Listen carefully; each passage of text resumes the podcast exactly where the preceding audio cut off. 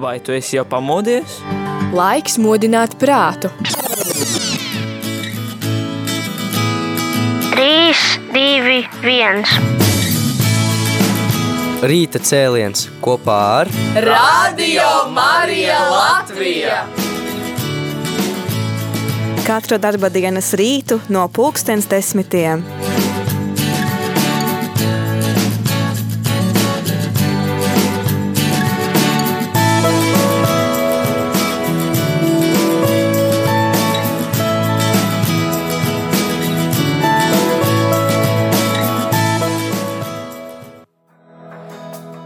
Labrīt, labrīt, klausītāji! Ceļamies, mosties, nav ko vairs gulēt. Jau ir 10 un 11. Nu, pēc veca laika ir 9 un 11. Patiešām laiks rāpties ārā no gultas. Kopā ar jums radio Marija vēlais rīta cēliens, jeb vēlais rīts pie kafijas tases, apspriežot dažādus nopietnākus vai mazāk nopietnus tematus. Un šajā rītā pie mikrofoniem mēs Māris Veliks un Olga Velika. Šoreiz mums nopietnāks temats. Mēs runāsim par garīgo atmodu. Mūsu sapnis ir, lai garīga atmoda nāk Latvijā, lai svētais gars nolīst pār mūsu draudzēm, lai svētais gars nolīst pār visām pilsētām un lauku ciematiem, lai ticība atdzīvojas, lai grēcinieki atgriežas, lai mēs, kristieši, pamostamies no sava miega, un mums ir ļoti, ļoti vajadzīga atmoda, mums ir ļoti, ļoti vajadzīgs, lai Dievs nāk īpašā veidā un darbojas mūsu zemē. Un tāpēc um, mūsu raidījums arī ir rīta cēliens, lai pieceltos arī no garīga miega.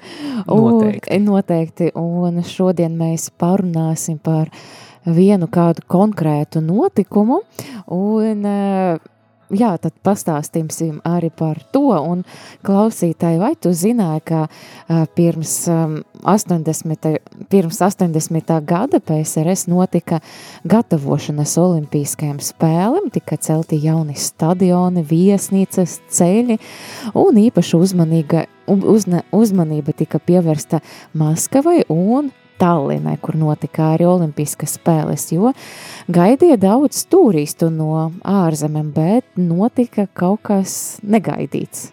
Jā, negaidīts notikums, kas piesaistīja viesu pieplūdumu Tallinā, bet nevis olimpisku iemeslu dēļ, bet citu iemeslu dēļ. Tieši pirms olimpiskajām spēlēm biļetes uz Tallinu no dažādām PSRS valstīm tika izpirktas, bet cilvēki brauc arī uz kādu citu vietu, un tā bija Tallinas Olivistes baznīca. Ja esat bijuši Tallinā, tā baznīca ar visaugstāko, lielāko torni, Tallinas vecpilsētā, jeb Svētā Olafa baznīca. Un kas tur notika? Kas tur notika? Notika, varētu teikt, ka uh, atmodas sapulces notika, notika dievkalpojumi, visi kristieši no dažādām konfesijām, arī, arī no visam PSRS valstīm, ne tikai arī no citam ārzemam, arī šo, šīs sapulces apmeklēja kāds um, Amerikas astronauts James Ervins, tad viņi devas uz šo baznīcu, lai piedzīvotu kaut ko ļoti, ļoti īpašu.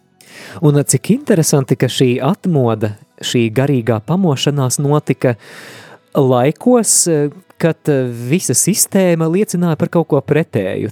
Tie bija padomju laiki, bija Brežņeva laiku noslēdzošais posms, un šī Atmoda Tallinas Olivistes baznīcā ieguva arī neoficiālu nosaukumu Tallinas vējš, kas, manuprāt, Tallinā ir ļoti atbilstoši. Tallinā jā, Tallinā vienmēr ir vējš. Un, jā, bet interesanti, ka šajā, šajā, šajā sapulcēs, kur sanāca kristieši no dažādām konfesijām, denominācijām, bija arī kādi ateisti, kas arī nāca pie Dieva un arī nolika savas partijas kartiņas.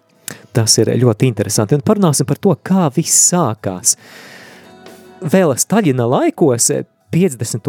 gadu pirmajā pusē, padomju vara atņēma dievnamus un lūkšanu namus septiņām draudzēm, kas pārstāvēja dažādas protestantu konfesijas. Un to vietā šīm draudzēm tika piedāvāts pulcēties vienā vietā, un tā bija šī lielā, plašā Olivistes baznīca vēsturiskajā centrā, centrā 13. gadsimta ēka, augstākā ēka Tallinā un starp citu arī visā Igaunijā. Es nezinu, vai kāds debesu krāpis ir to pārspējis tagad vai nē, bet, bet nu jā, nu noteikti, noteikti pilsētas Uz to laiku dominante. noteikti bija. Jā, un Tā bija arī nedaudz tāda nolaista un sāka kā arī tāda pussabrukusi un vajadzēja viņu arī tā atjaunot pēc iespējams arī tieši šo ēku iedeva. Bet tas, kas notika šajā ēkā, pārsteidza arī tos eh, padomju dienestus, kuri cerēja, ka šo draudžu sapulcināšanu zem viena jumta nozīmē sarīdīt viņus vienu pret otru, ka viņi tur sakausies un, un tā viss arī izčākstēs, vienkārši viss pašlikvidēsies. Un nebija viegli, bet tomēr eh, draudzes un draudzes pārstāvji, uh, viņi nāca pie vienprātības un viņa visi tā beigas arī aizgāja tā kā pie baptistu konfesijas. Viņa bija zem baptistu tās savienības, jā, tas eh, visas konfesijas, viņa atrada to savstarpējo valodu, un kas interesanti arī tās, ka šī Olivistas eh, baznīca, tā ēka atradas tieši uh, pretīm pāri ielai bija tā VDK, tas, Jā. tas saucamas valsts drošības dienesta ēka tieši pāri ceļam. Mēs ar Māri nesen bijam uh, tur un tieši tā maza ieliņa un tieši durvis pretī durviem un Jā, uh, atradas un jā, te- šim faktam vēl būs nozīme mūsu stāsta turpinājumā, bet par to mēs parunāsim vēlāk. vēlāk. Bet Kas tad notika? Kas tad izraisīja šo atmodu? Kā viss sākās? Ieklausīsimies kādā no acu lieciniekiem, kādā no aktīviem šīs atmodas dalībniekiem, un tas ir Igauņu mācītājs Reins Uemojs. Klausāmies eh, fragmentu no intervijas ar viņu, tā, tā nav mūsu veikta intervija, bet, bet interneta dzīvēs atrasta. Tur dušu, ir dušu nekatārās drugih Manā dvēselē un daudzu citu dvēselēs Dievs ielika izsalkumu un slāpes pēc Dieva. Vienkārši it kā viss labi, labi dievkalpojumi baznīcā, bet kaut kā nepietika. Es to nosauktu par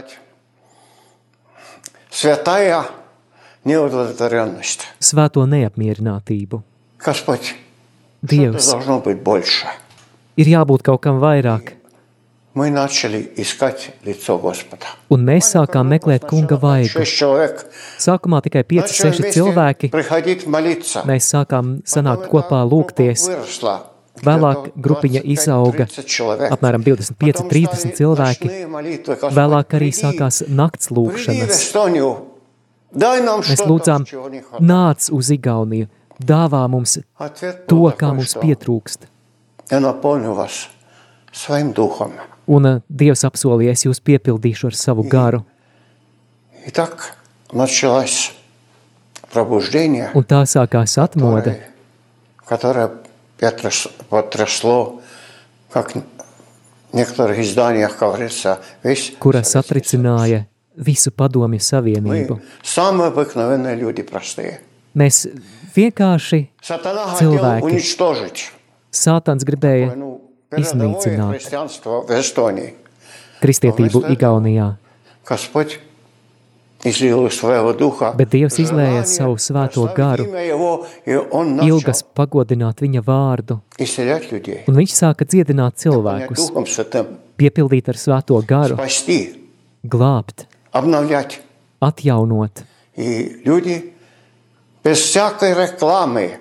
un cilvēki bez jebkādas reklāmas, jo viss bija aizliegts, sāka braukt uz Tallinu. Kāds redzēja sapnī, brauciet uz Tallinu. Daži Ukrainas bīskapi redzēja vīziju, ka ir jābrauc uz Tallinu.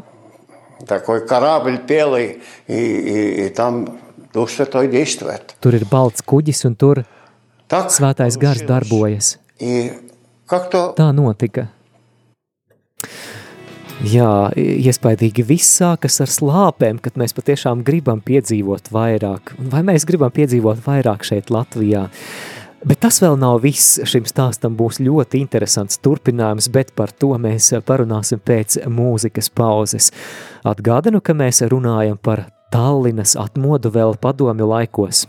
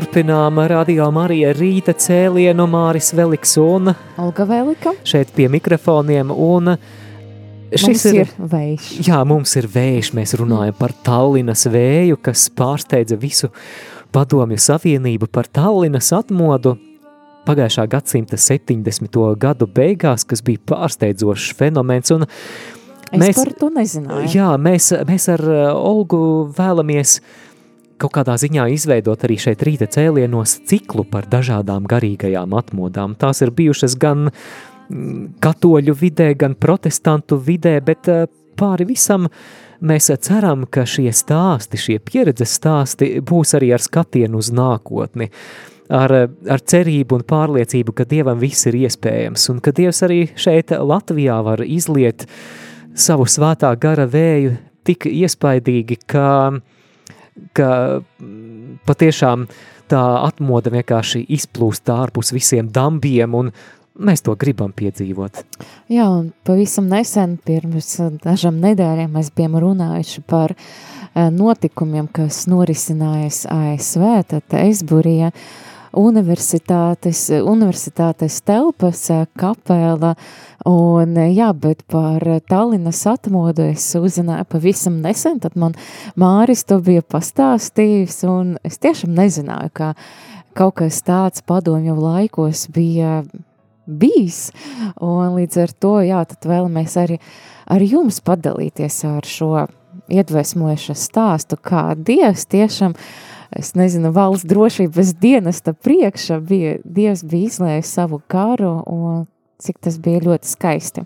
Pirms brīža mēs dzirdējām Reina Uemojas liecību par to, ka viss sākās ar dedzīgu un slāpēm piepildītu lūkšanu Dievs, mēs gribam kaut ko vairāk. Un 1977. gadā kāds kristietis no Somijas, kas e, Igaunijā bija ieradies saistībā ar viesnīcas vīru būvniecību, viņš piedalījās lūkšanu sapulcē un viņš piedāvāja jauniešiem aizlūgt par viņiem, un e, šie jaunieši pēc tam, kad par viņiem lūdzās, kad viņiem uzlika rokas, viņi piedzīvoja svētā gara izliešanos, kristību svētajā garā, viņi sāka lūgties mēlēs – Jā, un drīz pēc tam arī baznīcu apmeklēja kāds evangelists no Somijas, Taivo Rinkenens, un eh, viņš stāstīja draudzi par Jēzu, par svēto garu, un arī lūdza tiem, kas vēlas saņemt Dieva svētību, tad piecelties, un kad viņš lūdza, tad acu liecinieki saka, ka bija sajūta, ka debesu logi bija atverušies eh, virs viņam, un pēkšņi arī cilvēki saka Kristus grīdas, un eh, man liekas, kas arī ir ļoti raksturīgs šai atmodai, ir tas, ka, nu jā, cilvēki krīta svētajā gāra, ka vienkārši, vienreiz starp citu, es biju Itālija pie tēva Pio tā kā kapa, kur viņam bija relikvies, un tur arī cilvēks lūdza, lūdza, un nokrīt svētajā gara. Jā, un, jā, un, un tas notika 77. gada rūdeni, un apmēram pēc divam nedēļam notika kaut kas pavisam, pavisam interesants. Jau uh, tas jau bija iesaistīti tikai vietēji cilvēki, nebija tad ne, nekādu mācītāju, evangelistu no ārzemiem, bet uh, tas notika caur vienu vienkārši draudzes locekli. Jā, pie brāļa Reina, kura liecību mēs arī dzirdējām, mēs vēl viņa balsi dzirdēsim arī raidījuma turpinājumā, bija sanākuši Olivistes baznīcas kalpotāju sanāksmi un piepeši atskan zvans telefona zvans, dziņ, dziņ, un zvana VDK.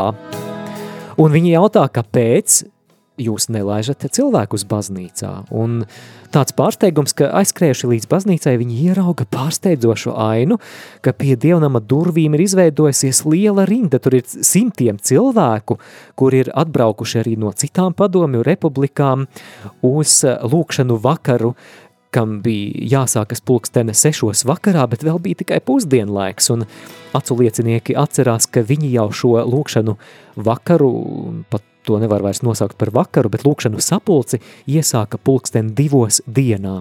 Jā, bija paredzēts, ka šī lūkšanu sapulce notiks sešos vakara, un šos vakarus arī sauca efata, bet nu, tas notika četras stundas uh, āgrāk. Un, bet interesanti, man liekas, caur VDK zvanu varētu pateikt, ka tā Dievs runā, kāpēc jūs nelaižas cilvēkus iekšā. Paradoks. Interesants paradoks, jā, ka, ka nu, VDK kaut kāda sava ziņa pieprasa, lai, lai ielaiž cilvēkus baznīca. Bet jā, un tad zāle bija pārpildīta un priekšā uh, bija tāds uh, moments, kad um, arī tas draudzes loceklis Reins Uemojs, viņš stāstīja, kad viņš runāja zāles priekša, cilvēku priekša, viņš ieraudzīja kādu cilvēku, kas stāvēja ar krukiem, un viņam sirdi bija pateikt viņam Jēzus Kristus vārda cēlies un staigā, un viņš tā uh, Eh, es biju dzirdējis to liecību, viņš sevi šaubies vai pateikt to viņam, viņš tā jūta, ka Dievs viņam to aicina teikt, bet viņš domā, bet viņš taču jau stāv, nu kā viņš stāv ar krūkiem, kā es viņam varu pateikt celies, un viņš eh, ar Dievu tādu eh, veidoja tādu dialogu, bet viņš nolema, labi, es darīšu to, ko Dievs man liek darīt, un viņš arī pateica tam cilvēkam, Jēzus Kristus vārda celies un staiga, un tas vīrs, kas bija smagi sakropļots un stāvēja ar krukiem, tad viņš nometa vienu kruki, tad otru, un tad palaicas, un tad sāka dejot, jā. jā.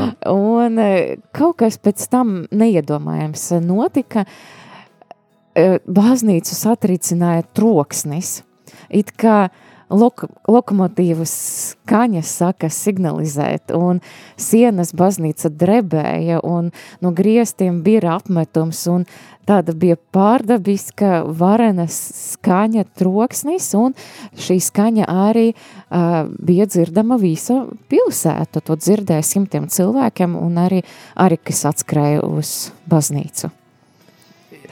Un no tā brīža liecinieki atcerās, ka sākās masveida dziedināšanas. Izdziedinātie krāva kaudzē savus kruķus, korsetes, dzirdes aparātus, bet vairāk mēs paklausīsimies tad no acu lieciniekiem, klausāmies vēlreiz brāli Reinu.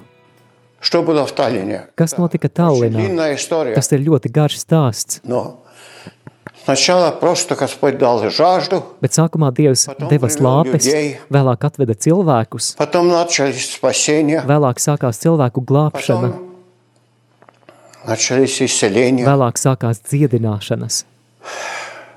И многие, многие un daudzas Kristieši dziedināšanas. nenapolina Daudzi Duhu tika Svētā. piepildīti ar svēto garu. Слава Богу. Pateicība Dievam. Чтобы просто не быть пустословным. Lai nebūtu Takie- tukšvārdīgs, Такие ну, вещи, которые случались, tās lietas, kas notika un kas ir aprakstītas apustuļu darbos, tā bija normāla baznīcas dzīve. Ja tu jautāsi, bet kas bija Tallinā? Tallinā bija vairākus gadus normāla Jēzus Kristus baznīcas dzīve. Piemēram, es atceros, mēs sākām sapulci, Es и lasīju молился Dieva vārdu просто, un чтобы Господь lūdzos, прийди, lai благослови нас. Dievs atnāk, lai viņš И вдруг svētī. один, Un pēkšņi по-моему, осет был Петр имя. viens, с manuprāt, Кавказа. no Osetijas, no Kaukāza vārdā Pēteris, Начал так это самое, ну, я не понял, в чем дело. Нету, нету, нету, нету, sāka нету. teikt, es nesapratu, Starается- viņš saka, starается nav, как-то nav, nav, viņš it kā mēģina, Рядом сидела его жена. Viņa, eh, blakus viņam sieva sēž. Es jautāju sievai, kas ar jūsu vīru notiek? Un viņa atbildēja, ka viņam uz kakla bija liels audzējs. Viņš pat nevarēja noliekties un pagriezties. Un vienā mirklī viņš laikam sajuta to, Попробовать руками. un viņš Нет, sāka ar rokām taustīt un nav vairs. И шея движется. Un ā, kakls kustās normāli. Слава Богу. Он Pateicība уверовал, Dievam. принял Иисуса. Уехал счастливым. Viņš pieņēma jēzu, viņš aizgāja Мы laimīgs. молились, были длинные очереди, когда Mēs мы lūdzāmies, bija ļoti garas rindas, vairākas stundas lūdzāmies par cilvēkiem. Красные. У нас было там больше служителей. Mums bija vairāk Два, по три вместе kalpotāju, мы молились. Mēs pa Я не diviem был vai в этой trījiem группе, но только lūdzāmies. что Я вернулся с Америки. И люди приходили ко мне, говорят, что они пришли Cilvēki nāca pie manis un teica, ka viņi no Ukrainas ieradās, lai pārbaudītu, vai tiešām Dievs ir Tallinā. Un viņi stāvēja stāvēja Divi, trīs līdzās tiem, kas lūdza par cilvēkiem, un viņi teica, ka viņu, viņi bija acu liecinieki tam, ka atnāca māte ar meitiņu, Слепая, viņa bija akla. жизни никогда не видел света. Nekad savā dzīvē nebija redzējusi gaismu. Viena acis bija pilnīgi cieta, otra mazliet piepavērta. Viņi sāka vienkārši lūgties. Un vasaras svētku draudži locekļi brīnījās, ka Igaunijā viss tik klusi notiek, tik klusiņām. Un Viņu acu priekšā šī aizvērtā acis atvērās. начали с краев стать белее, белее, un белее. abas потому что они acis были no темные. maliņām sāka kļūt gaišākas, gaišākas, jo tās bija Уже tumšas. совсем белые. Tad pavisam kļuva baltas, И вдруг un девочка piepeši закричала. meitene Mama, iesaucās: mama, Mamma, я вижу!» mamma, es redzu! Это потряс- Tas vienkārši satrieca šos cilvēkus. Viņi brauca uz mājām, un tad viņi turpināja arī savās vietās lūgt par slimniekiem. Jā, jā, jā, Es atceros, kāds gara auguma cilvēks, vīrietis. Mēs gatavojāmies eh, lūgšanai par cilvēkiem. Viņš bija ar kruķiem. Yeah. я чувствую на сердце, что Un es savā sirdī скажи jūtu, ему, pasaki «Встань и viņam, viņam, celies un staigā, как Петр сказал, tā kā Pēteris teica, безногому перед храмом. paralizētajam cilvēkam pie Jeruzalemes tempļa. Я стал спорить, поэтому я Es помню sāku это. strīdēties, tāpēc es atceros. Я стал спорить, что Господь, но он же стоит. Dievs, bet viņš taču stāv Как-то ar kruķiem. Kaut kā nepareizi būtu teikt, celies un staigā, bet nevarēju atteikt. Vienkārši paskaties viņam acīs, saku, celies un staigā. Viņš paņēma kruķus, atlika maliņā, sāka cilāt kājas, sāka lēkāt И, и как, как взрыв стало радостным. И, un vienā и mirklī стало kļuva обнимать всех, priecīgs, которые мы там sāka молились. apskaut visus, kas lūdzāmies Оставил par viņu. костыли, Viņš atstāja kruķus, невозможно забыть. un to nevar aizmirst. Оставил, Atstāja уехал домой. un aizbrauca mājās. Были очень много таких, сотни, может быть, тысячи. Bija таких ļoti случаев. daudz, simtiem un varbūt pat tūkstoši Это- gadījumu. Tā ir что Dieva valstība, jo Писание говорит, что svētajos rakstos ir teikts, Царство не в словах, ka а в valstība ir nevis vārdos, bet spēkā. И иметь вот эту силу, чтобы сказать людям, исцелись. Būt ar šo именем Иисуса. spēku, lai cilvēkiem varētu teikt, esi dziedināts Jēzus Ты vārdā, свободен tu esi brīvs от алкоголя. no alkoholisma. Прими Духа Святого. Pieņem svēto garu, И это действует. un tas darbojās. Но я хочу еще раз сказать, Bet es что vēlreiz vēlos огромная teikt, опасность. ka liela Мы можем bīstamība как-то ir, возгордиться и сказать, что ka mēs varam это я. maldīties un teikt, ka tas esmu es. Katru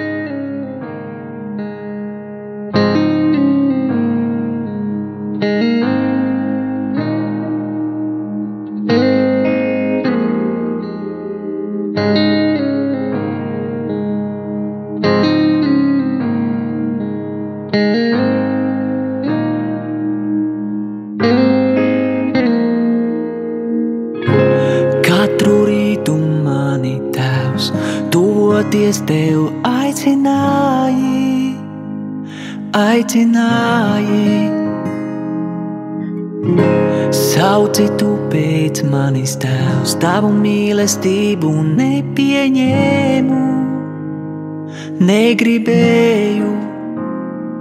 Jo trūnī, kur jāsēž bija tev, biju es pats. Uzpūt kungs liesmā šo dakti, kas kvēlo vēl. Salaustu, satriektu, ņem mani tēvs ar dzīvības garu, piepildī vēlreiz.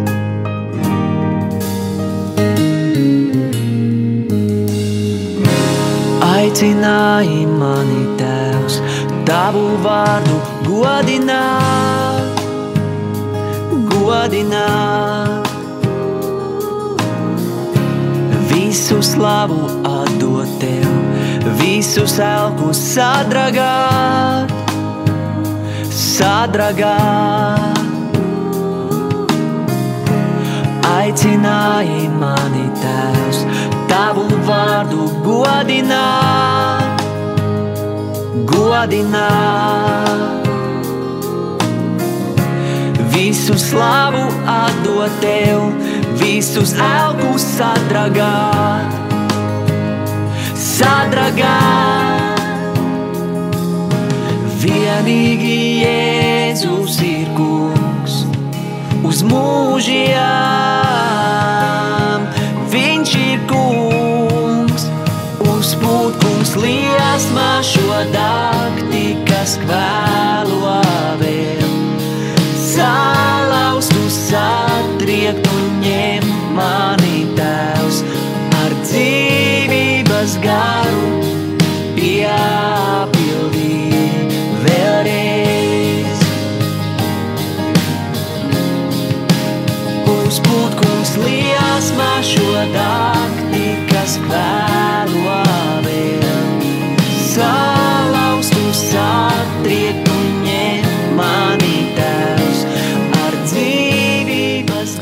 Nauris Malāhaus un dziesma uzpūt liesmas turpinām rīta cēlienu radio Marija ēterā. Mēs turpinām runāt par garīgās atmodas tēmu, un šoreiz mēs īpaši pievēršamies garīgajai atmodai, kas eh, neparasti izpaudās šeit pat mums kaimiņos, Blakus? jā, blakus Tallinā, Igaunijā vēl padomju laikā, stagnācijā, Brežņeva stagnācijas laikā 70. gadu beigās. Bet Dievam tas nebija tāds šķērslis. Un- Dievam viss ir iespējams. Un eh, vēl jau vairāk tas bija ne tikai lokāls notikums, kas iesaistīja Igaunijas Tallinas kristiešus, bet ziņas par eh, šo svētā gara izliešanos, par dieva darbību, par zīmēm un brīnumiem, kas sāka notikt, izplatījās arī citur padomju savienībā, un kristieši arī no citām padomju republikām vienkārši straumēm plūda uz Tallinu uz Olivistes Jā. baznīcu. Interesanti, ka nebija ne interneta, ne uh, tādu mobilu telefonu, nevarēja to novērot, nezinu, tiešraida Facebook, YouTube, jo to vēl nebija, bet nu, kaut kāds internets gan jau bija izgudrots, bet nu paši, paši iesākumi bija, bet jā, bet cilvēki vienkārši viņi vai nu redzēja sapņos, vai Dievs viņam teica braukt uz Stalinu, meklēt uh, augstāko torni un doties tur, vai cilvēki arī dzirdēja citu cilvēku liecības, un tāpēc arī brauca uz, uh, jā, visa padomju savienība, tad no visam valstīm tad brauca, brauca uz šo vietu. Vēl arī kādā no rakstiem atradām šādu liecību, ka kāds vīrietis ieradās uz Olivistes baznīcu kopā ar savu kurlmēmo dēlu. Un pēc aizlūkšanas notiek brīnums, puisēns sāka runāt.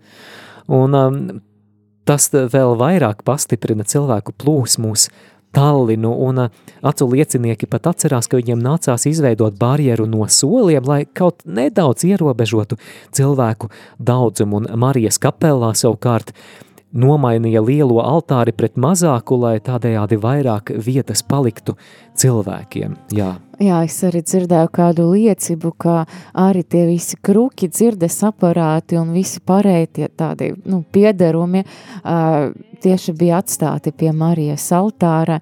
Nu, tāda, man liekas, ka liecība, lai citi cilvēki, kas atbrauc arī redzētu to visu un tā būtu jau liecība par to, ka Dievs eh, dziedina un, jā, galvena vieta, kur cilvēki bija tikušies, kur bija atmoda, tad tā bija Olivistes baznīca, Svēta Olafa baznīca un metodistu uh, baznīca, un dievkalpojumi notika gandrīz katru dienu, un cilvēki pat klausījās stāvot uz ielas uh, pie atvērtajiem baznīcas logiem, tā kā nevarēja, nevarēja visus uh, tā kā ielaist iekšā, jo vienkārši nepietīka vietas, un kas svarīgi arī bija, ka neviens nedalīja cilvēkus konfēsijas, bija baptisti, luterāņi, vasarsvētku ticīgi, nezinām par katoļiem, bet es ticu, ka gan jau bija, jo arī saka, ka arī uz šo, mm, šiem dievkalpojumiem nāca arī pareisticīgi un tiešām nerunāja par draudzes piedarību un galvenais bija tas, ka tu esi kristietis, tu esi Dieva bērns. Vai ziņas par šo atmodu nonāca arī līdz Latvijai?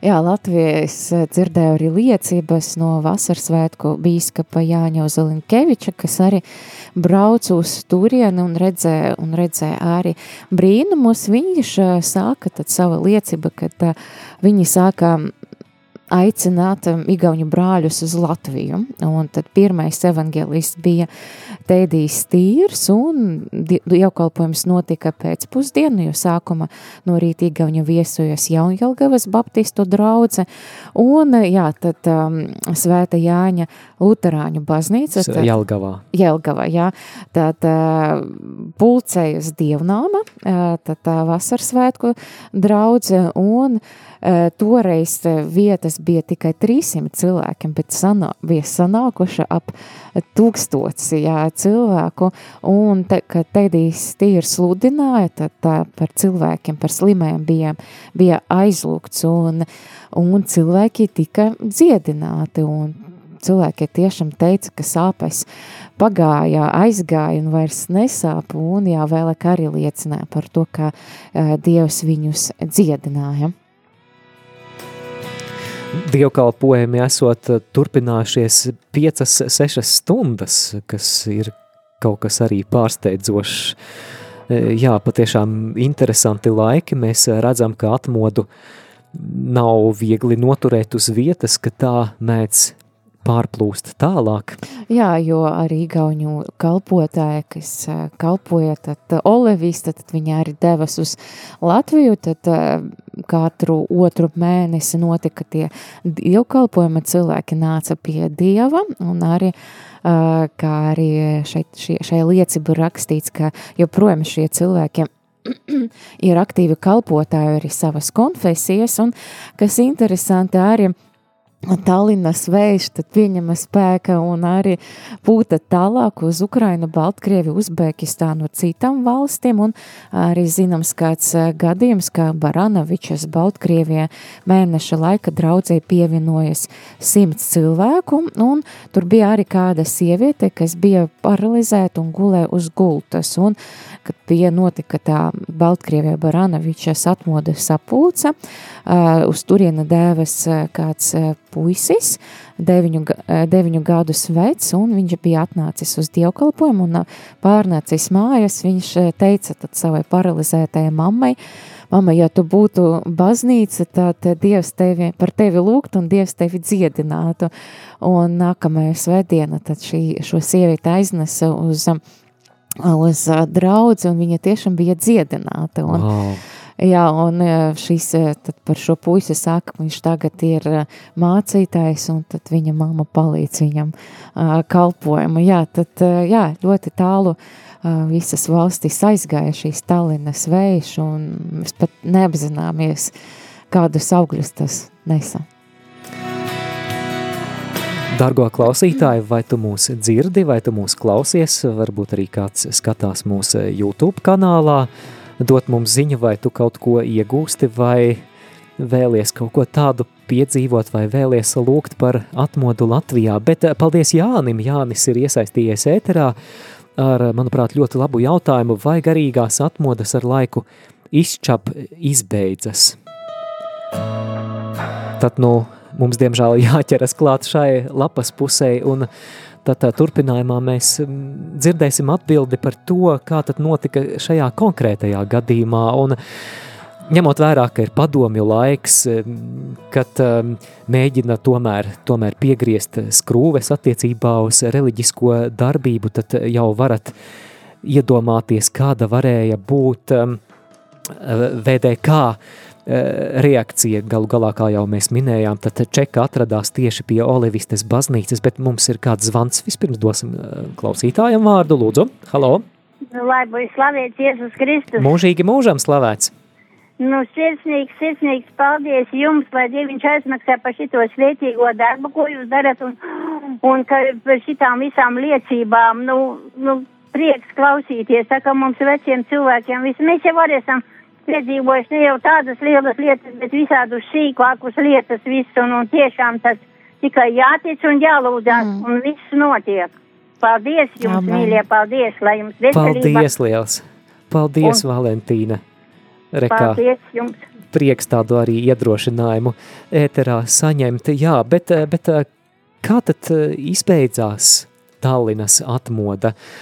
Un klausāmies tagad arī Reina Uemojas liecību. Otrā pasaules kara laikā bija pravietojums. Neviens tajā laikā neticēja, ka olivistē starp jauniešiem būs atmoda, ļoti spēcīga.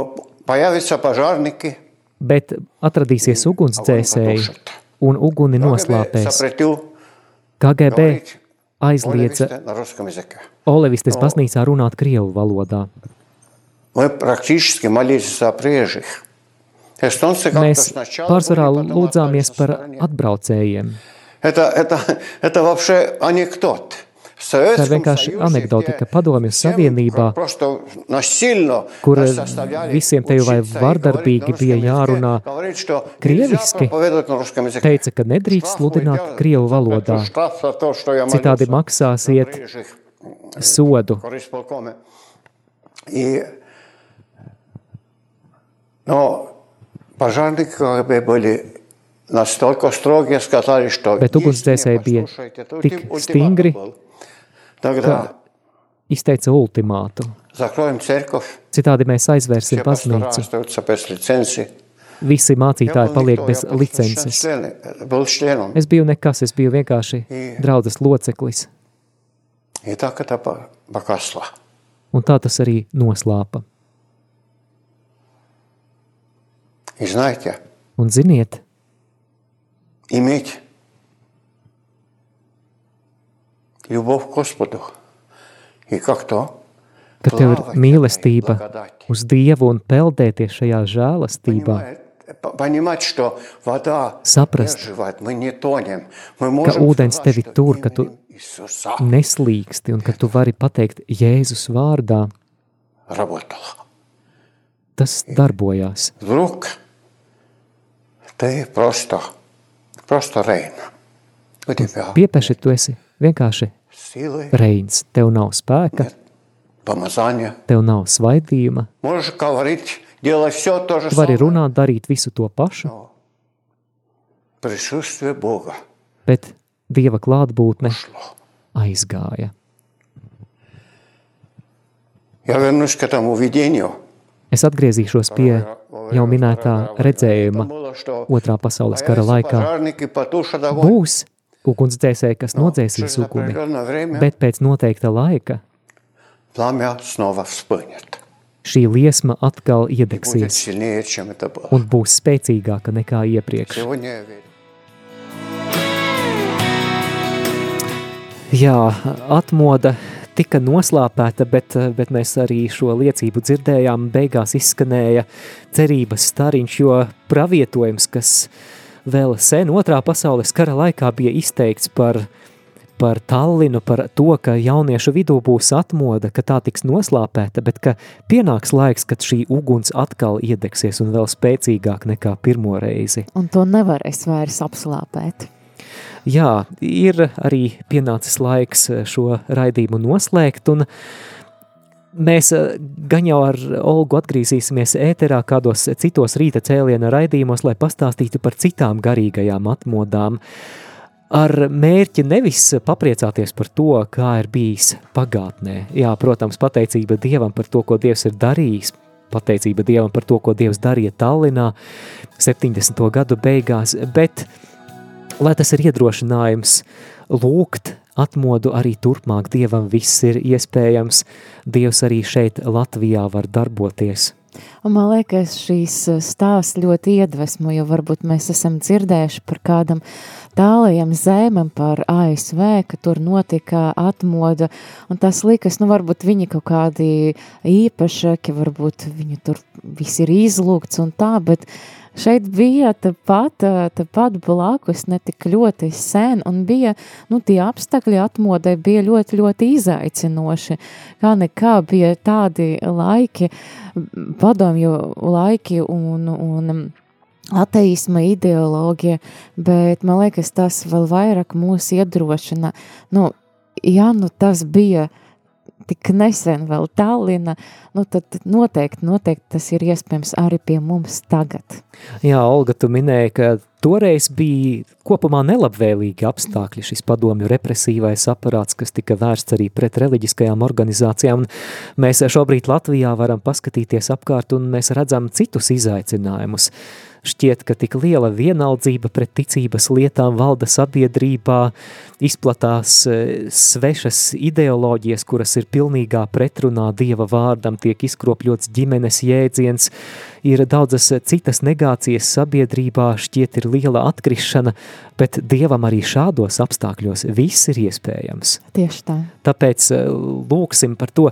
Vēl raidījuma noslēgumā mēs pēdējo failiņu atskaņosim, kur, manuprāt, mācītājs Reins Uemojs labi stāsta par to, kas ir nepieciešams, lai Dievs šādi varētu darboties, kas ir nepieciešams atmodai, bet kā būtu, ja mēs kādu īsu brītiņu pavadītu arī lūkšanā kopā ar klausītājiem Noteikti. par atmodu. Dieva tēva un dēla un svētā gara vārdā. Āmen. Amen. Kungs, Dievs, mēs Tev pateicamies par to, kā Tu esi darbojies vēsturē, mēs Tev pateicamies, ka Tu darbojies arī šodien un darbosies nākotnē.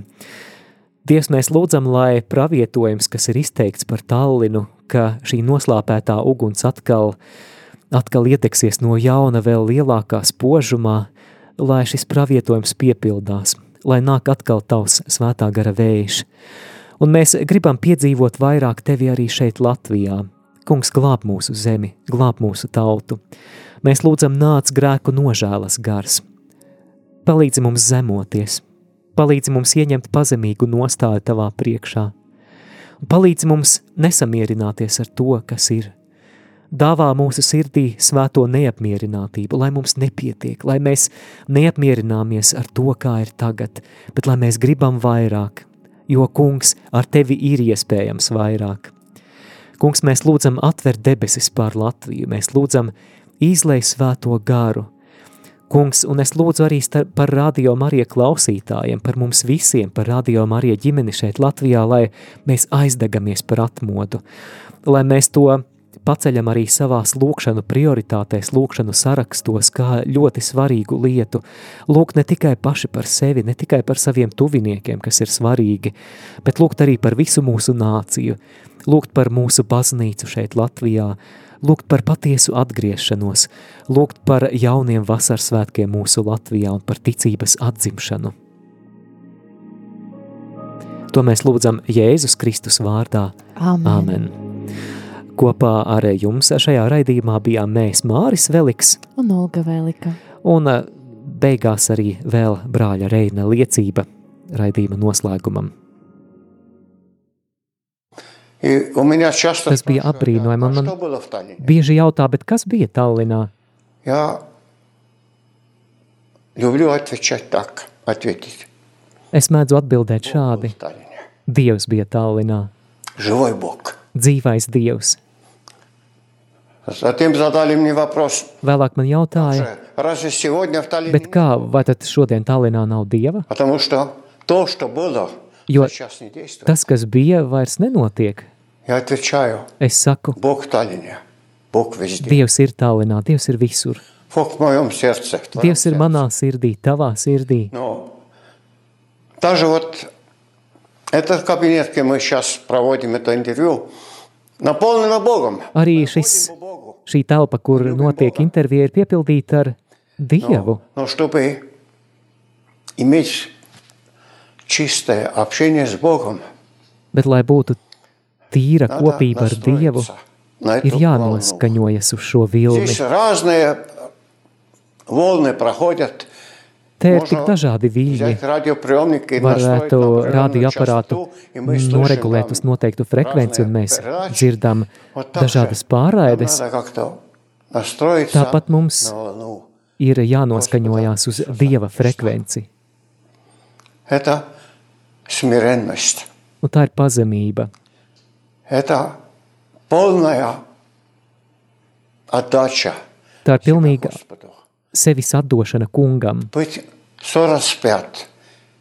būt krustā sistam līdz ar Kristu, Чтобы наш душевный человек, плоть, эго lai mūsu miesīgais cilvēks, ego, на кресте.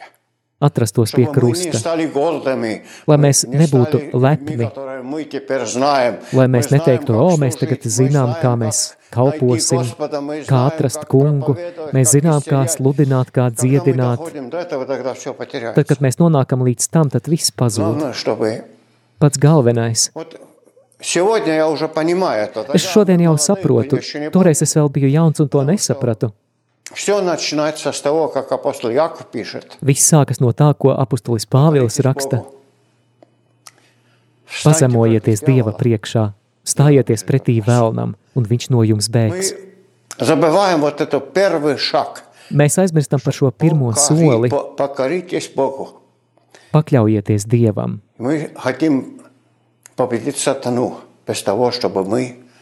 Mēs gribam uzvarēt sātanu, bet bez tā, ka mēs pakļaujamies Dievam.